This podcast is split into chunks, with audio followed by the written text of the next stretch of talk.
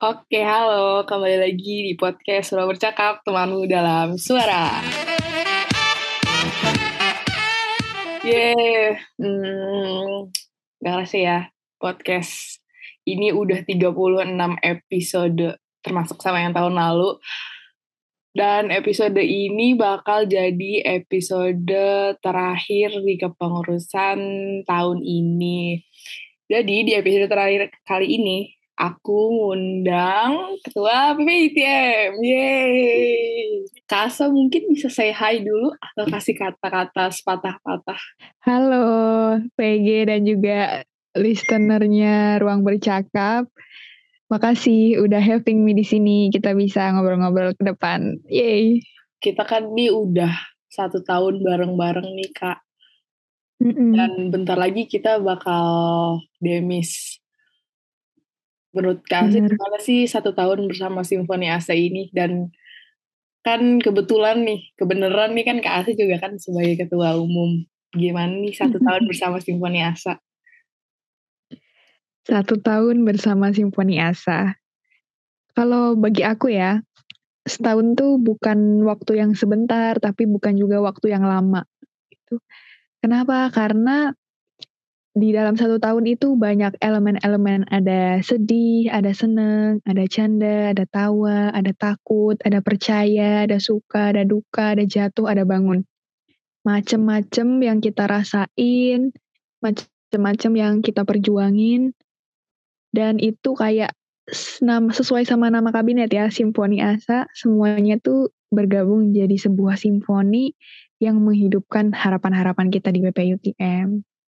Jadi aku sangat bersyukur banget karena dalam episode kehidupan ini itu tuh ada satu tahun bersama Simfoni Asa, ye. Asik.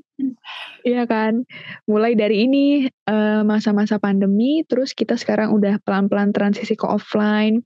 Di situ ada banyak transfer knowledge dan juga dinamika-dinamika yang membuat kita tuh bisa berpikir lebih dewasa karena harus siap nggak siap. Yang dulu kita udah di zona nyaman online, sekarang harus challenging ourselves untuk siap di offline gitu sih mungkin kayak untuk mengawali. Iya sih, benar kan? Karena kan setahun kemarin tuh kepengurusannya tuh kan full online ya. Terus mm -hmm. pas masuk Simfoni Asa ini kita masuknya ke online-nya dapet, offline-nya dapet. Nah, kalau kasa gitu tuh gimana sih? Kayak kalau aku sih pasti pusing, makanya bukan aku yang di tempat kasa mungkin ya. Tapi kalau kasa gitu maksudnya kayak gimana ya? Apa sih uh, suka dukanya menjalani uh, setengah online, setengah offline gitu? Kalau aku sih bersyukur banget karena misalkan nih kita bisa menyelam sambil minum air. Nah, kita tuh itu. Ya, bisa, betul. Karena uh, di masa yang susah, kayak kita nggak bisa ketemu secara tatap muka itu, kita masih bisa berjalan tuh udah sebuah kesyukuran banget. Dan ketika kita udah tatap muka pun, kita nggak kaget sama keadaan, itu juga sangat bisa disyukuri banget. Memang sih, kalau dibilang uh, susah, ya ini nggak mudah gitu. Tapi kalau dibilang ini nggak mungkin untuk dilakukan, itu tuh mungkin. Gitu. Jadi kalau di posisi aku, aku harus menjadi orang yang pertama kali percaya kalau something tuh bisa happen. Kalau kita tuh bisa kok melalui badai ini. Kalau kita tuh bisa menyesuaikan kondisi gitu. Karena kalau akunya sendiri nggak percaya, nanti di mana uh, kayak pengurus-pengurus yang lain bisa punya kekuatan gitu mungkin kuncinya. Nah, di situ aku juga menguatkan diri sendiri tuh nggak tiba-tiba strong gitu, tapi justru teman-teman yang membersamai kayak pengurus inti, kabit, kabironya kayak VG gini, yay, VG.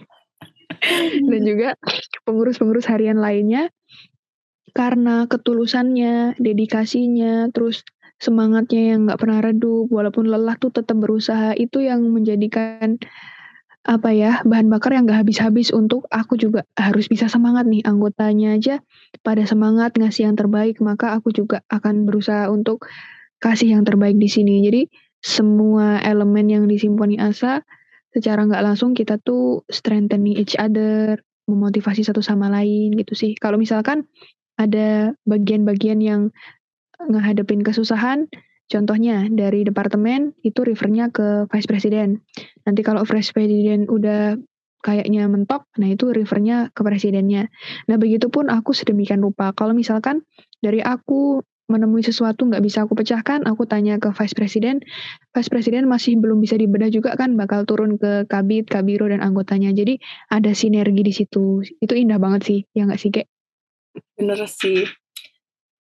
Tapi, tapi ya Kak, aku nih kan kadang hmm. suka kayak, aduh berat banget nih, aduh masa hmm. kayak gini aja, uh, kayak aku ngeraguin kemampuan sedikit gitu loh, kayak, aduh sebenarnya bisa nggak ya, aduh sebenarnya kuat nggak ya, tapi kalau misal misal kita nih sering rapat gabungan gitu kan, terus Kak Asa tuh kayak hmm. ada kat, selalu ada kata-katanya gitu. Jadi aku merasa kayak ah masih segini doang nggak bisa. Maksudnya aku jadi kayak bangkit lagi sama kata-kata yang Asa kasih gitu. Alhamdulillah. Kayak membangun sekali. aku jadi semangat lagi. Semangat kita harus semangat gitu. ya nih karena kan bentar lagi ya. Nih aku menang menanggapi yang VG tadi mungkin ya. Iya boleh boleh. Aku justru seneng sih kalau misalkan bisa denger isi hati yang jujur kayak gitu. Kayak contohnya, ih kok capek ya, kayak ih kok susah ya, ih kok ini kayaknya nggak bisa nih aku hadapin sendiri itu justru menurut aku sesuatu yang bisa disyukuri banget. Karena kalau sebagai leader misalkan kita bisa dengar suara hati apa yang kita pimpin itu justru akan ngasih kita banyak clue gitu kayak oh kayaknya mereka lagi capek berarti kita harus ngapain? Contohnya ngatur nih biar tanggalnya nggak clash. Atau kita ngarahin misalkan proker ini kok terlalu berat ya?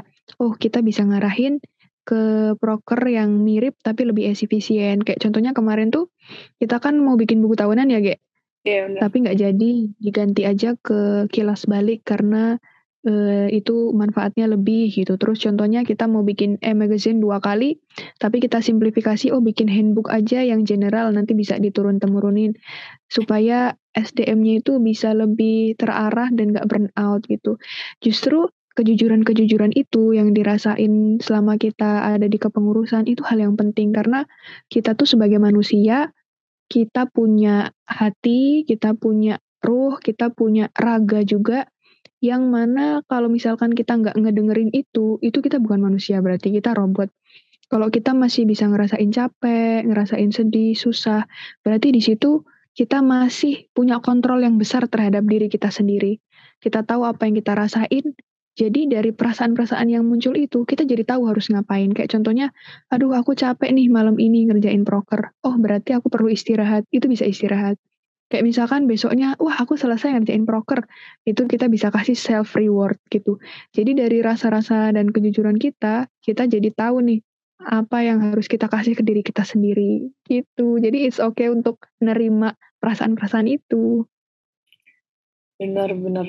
Nih buat teman-teman yang dengerin, gak apa-apa ngerasa capek itu wajar kan kak. Kalau capek istirahat ya kalau lapar makan. Iya.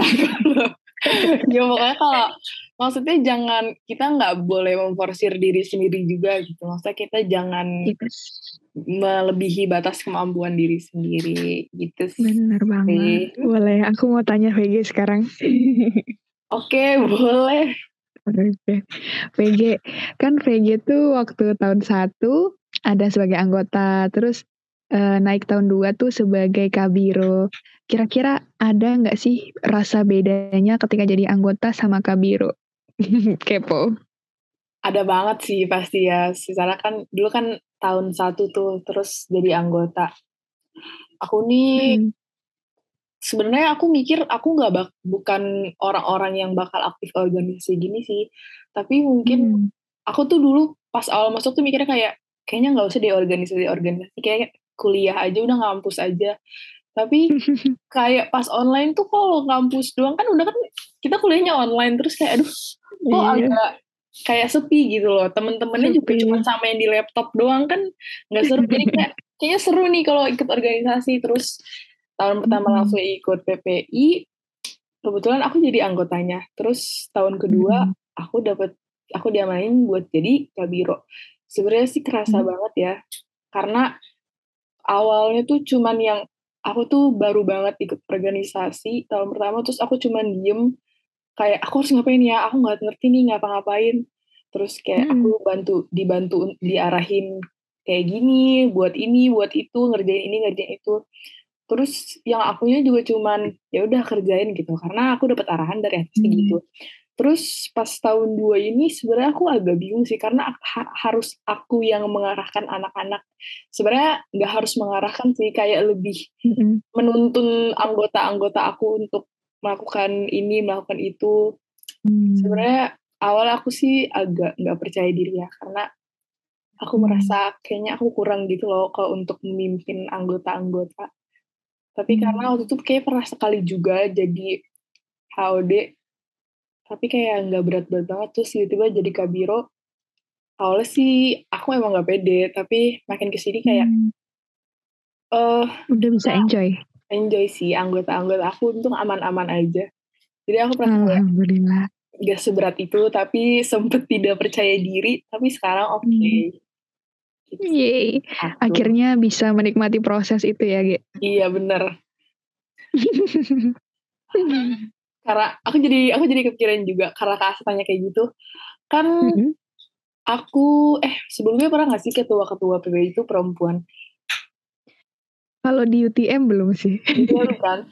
Terus aku tuh kayak uh, kasa ada nggak sih kayak pasti ada sih kayak manusia kan mikir kayak takut ini deh takut itu deh terus hmm. kayak kasa mungkin mikir kayak apakah seberat ini apakah seberat itu nantinya tapi ternyata pas dijalanin tuh kayak ternyata nggak seberat itu ternyata aku bisa uh, membawa ini ke jalan yang aku pengen atau ke jalan yang kita bangun bareng-bareng Kayak hmm. ada ekspektasi apa? Oke, okay, ekspektasi dan juga lika-liku ini ya sebagai kayak leader yang perempuan ya. Hmm. Kalau aku di awal-awal banget sebelum akhirnya siap menerima amanah itu emang banyak banget ragu banyak banget ragu terus minta nasihat juga sana sini apa aku tuh termasuk yang mampu? gitu. Apakah aku bisa amanah? Nanya ke orang tua teman-teman sekitar dan dapat masukan dan juga encouragement gitu untuk maju. Terus ya udah waktu maju ya udah Bismillah. Uh, kalau aku percaya kayak gini ya pokoknya apa pun yang kita mulai dengan Bismillah dan keberanian itu nanti bisa kita selesaiin dengan hamdalah dan juga kesyukuran. Berarti jadi ya agak nekat sih. ya udah Bismillah maju. Hmm, itu nggak ada overthinking atau apa di situ, tapi yang memberatkan aku sangat berat tuh adalah hal-hal kayak dalam membuat sebuah decision sih, karena apa yang aku decide itu adalah apa yang akan digerakkan sama anggota-anggota.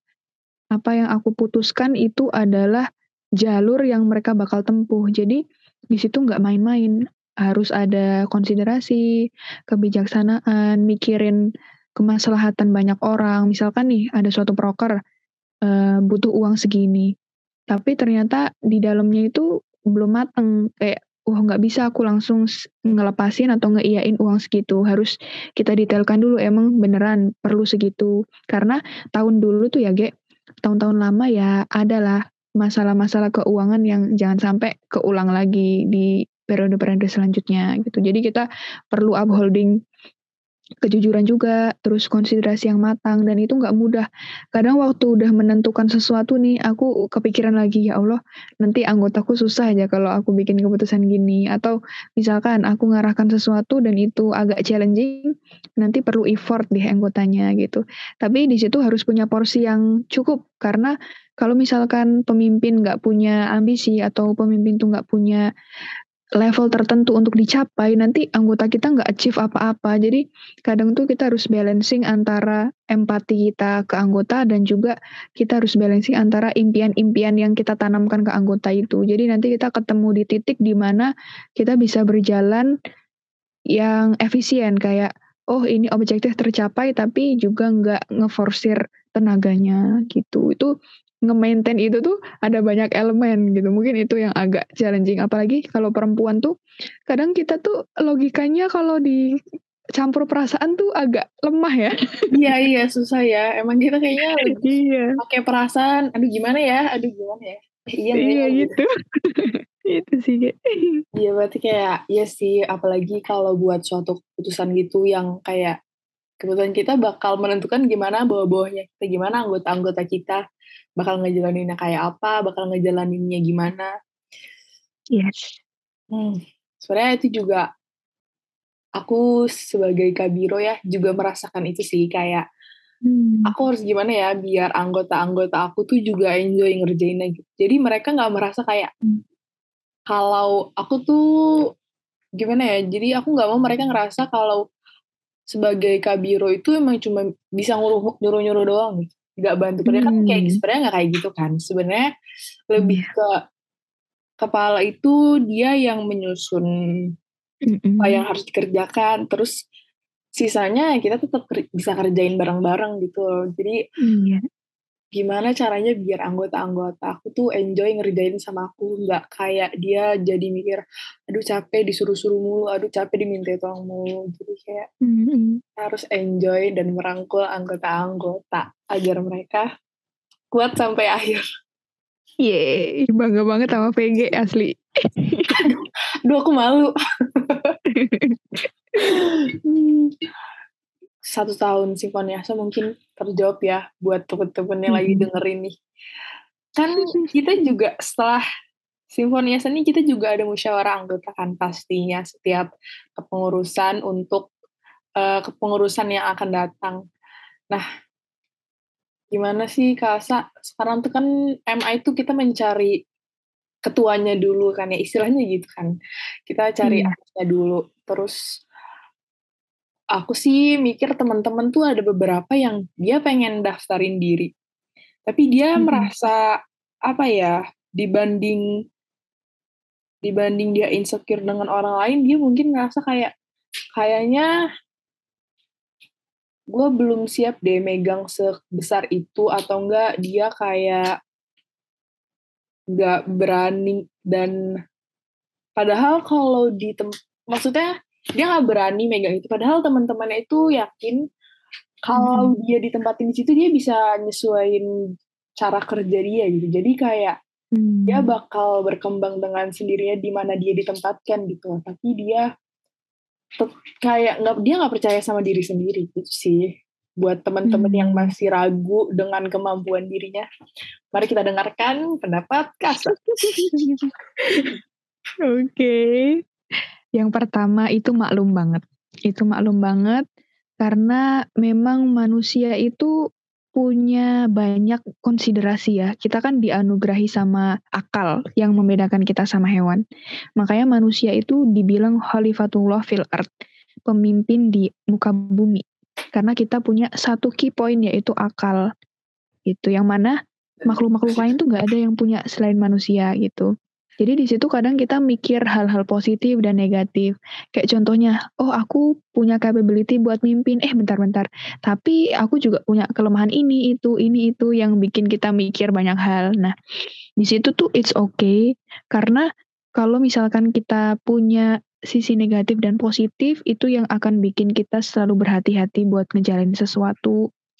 Yang bikin kita punya ruang untuk improvisasi diri, dan yang bikin kita juga punya modal untuk ngelakuin sesuatu. Kayak contohnya, oh aku nih sisi positif dulu ya. Oh aku nih bisa kok manage banyak hal dalam satu waktu. Oh berarti positivitasnya punya multitasking itu. Tapi yang kedua, tapi kalau misalkan aku manage banyak hal, aku nggak bisa fokus. Itu sisi negatifnya kan. Berarti solusinya apa? Solusinya adalah aku bikin skala prioritas dulu nih. Oh ini mau aku kerjain duluan, habis itu ini, ini, ini. Sebenarnya sisi negatif sama positif itu bisa dilebur. Bisa dilebur di titik tengah gitu. Jadi kalau misalkan nih calon-calon ketua umum ada yang ragu di sini, itu nggak apa-apa pertama. Dan yang kedua adalah masih ada banyak hal-hal yang bisa disyukuri dan dijadiin modal walaupun punya kekurangan-kekurangan. Karena walaupun kita punya kekurangan, nanti tuh bakalan dilengkapi sama orang-orang yang akan membersamai kita. Kayak contohnya dilengkapi sama sekjennya, bendahara umumnya, vice presidennya, dan lain-lain. Kita tuh nggak akan kerja sendirian, nggak mikir sendirian. Dan PPUTM pun bukan cuma punya satu orang, bukan cuma punya ketua, tapi memang punya seluruh anggota PPUTM itu Jadi kalau misalkan kita punya kekurangan, itu nggak apa-apa karena juga bakal dilengkapi sama yang lain. Dan kayak kemarin aku ngutip dari kata-katanya Bang Rian ya, kalau ditanya siap nggak siap ya semua ketua tuh nggak akan 100% siap gitu. Bahkan Rasul sendiri yang kayak um, manusia terbaik di muka bumi pun masih sering Allah kirimkan malaikat untuk reminder atau kalau misalkan keliru nanti Allah tegur gitu. Jadi nggak apa-apa, ada proses pembelajaran yang panjang di situ gitu. Mungkin kayak Ya, semoga nih teman-teman yang masih ragu buat daftar mau daftar jadi ketua selanjutnya nih bisa terjawab ya. Kayak oh iya bener juga, oh iya kayaknya aku bisa nih daftar, kayaknya aku mampu nih insya Allah gitu. Tapi mm-hmm. kemarin tuh pas rawat, kemarin tuh aku ada ini sih salfok sama kata-kata kasa yang mana tuh? Semua orang ada masanya, semua masa ada orangnya. Aku kayak, oh. ini maksudnya tuh kayak sebenarnya artinya tuh luas banget, tapi kayak oke okay banget gitu sih. Hmm bener banget. Semua orang ada masanya semua masa ada orang exactly. Ini tuh bisa dia masuk ke dalam jenis apa pun. Jadi kayak temen-temen yang masih ragu ayo dengerin lagi. Putar-putar lagi. Iya iya terus sampai dapet feelnya. Hmm. kayak apa tuh? Sebenarnya ini tuh mungkin udah ada takdirnya tapi tinggal dijemput aja gitu dengan berbagai cara. Bener bener. Oh ya, aku mau nanya PG sekarang. Ya, boleh. Tapi ini topiknya ini ya agak out of topic sebenarnya. Boleh, nggak apa-apa. Aku aku bakal jawab ini. aku dulu pertanyaannya tadi sih. Kan VG kan berarti dua tahun di bidang lima ya G yeah. itu apa yang VG dapat dari bidang lima ini? Dengan dipimpin dengan orang yang berbeda dan juga teman-teman yang baru gitu. Kan hmm. tadi kita bicara soal apa yang kita kasih ke PPI ini ya berarti kita mengabdi. Tapi ada nggak sih yang VG dapetin selama di sini? Uh, selama dua tahun ini aku jadi apa ya sebenarnya nih aku ini bukan orang yang pengawat bener-bener pengawat gitu sih tapi kalau sekilas-kilas itu kayak seenggaknya aku jadi tahu cara kerjanya bidang lima ini atau enggak cara kerjanya divisi divisi-divisi yang aku ikutan. Sebelumnya tuh aku nggak tahu kayak aduh ini kerjanya ngapain ya? Ini kerjanya ngapain sih? Jadi aku ada pandangan sendiri gitu loh terus lebih tahu gimana sih orang-orang lain dalam bekerja tuh. Jadi aku bisa nggak jadi aku nggak menyamakan semua sifat orang jadi aku bisa mengatur apa ya istilahnya kayak kita atur emosi kita lah ke orang orang-orang lain tuh enaknya kayak gimana biar hmm. nggak hmm. mesti ada marah-marah nggak mesti ada ribut-ribut gitu loh terus hmm.